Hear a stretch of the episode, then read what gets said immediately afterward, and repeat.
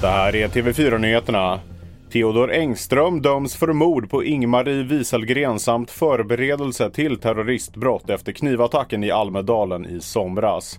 Påföljden blir rättspsykiatrisk vård, meddelar Gotlands tingsrätt. Vi hör rättens ordförande Per Sundberg om domen. Här bedömer tingsrätten att straffvärdet här visserligen är mycket högt. Det är ju livstid, högre straff kan man inte få, stränga straff kan man inte få.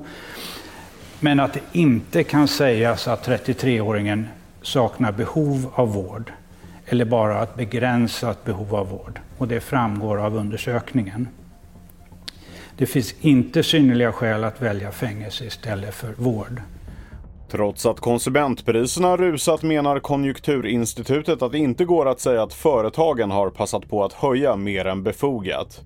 KI har på regeringens uppdrag undersökt hur svenska företags prishöjningar hänger ihop med kostnadsökningar och skriver i rapporten att den kraftiga uppgången av energi och råvarupriser står för en väldigt stor del av prishöjningarna.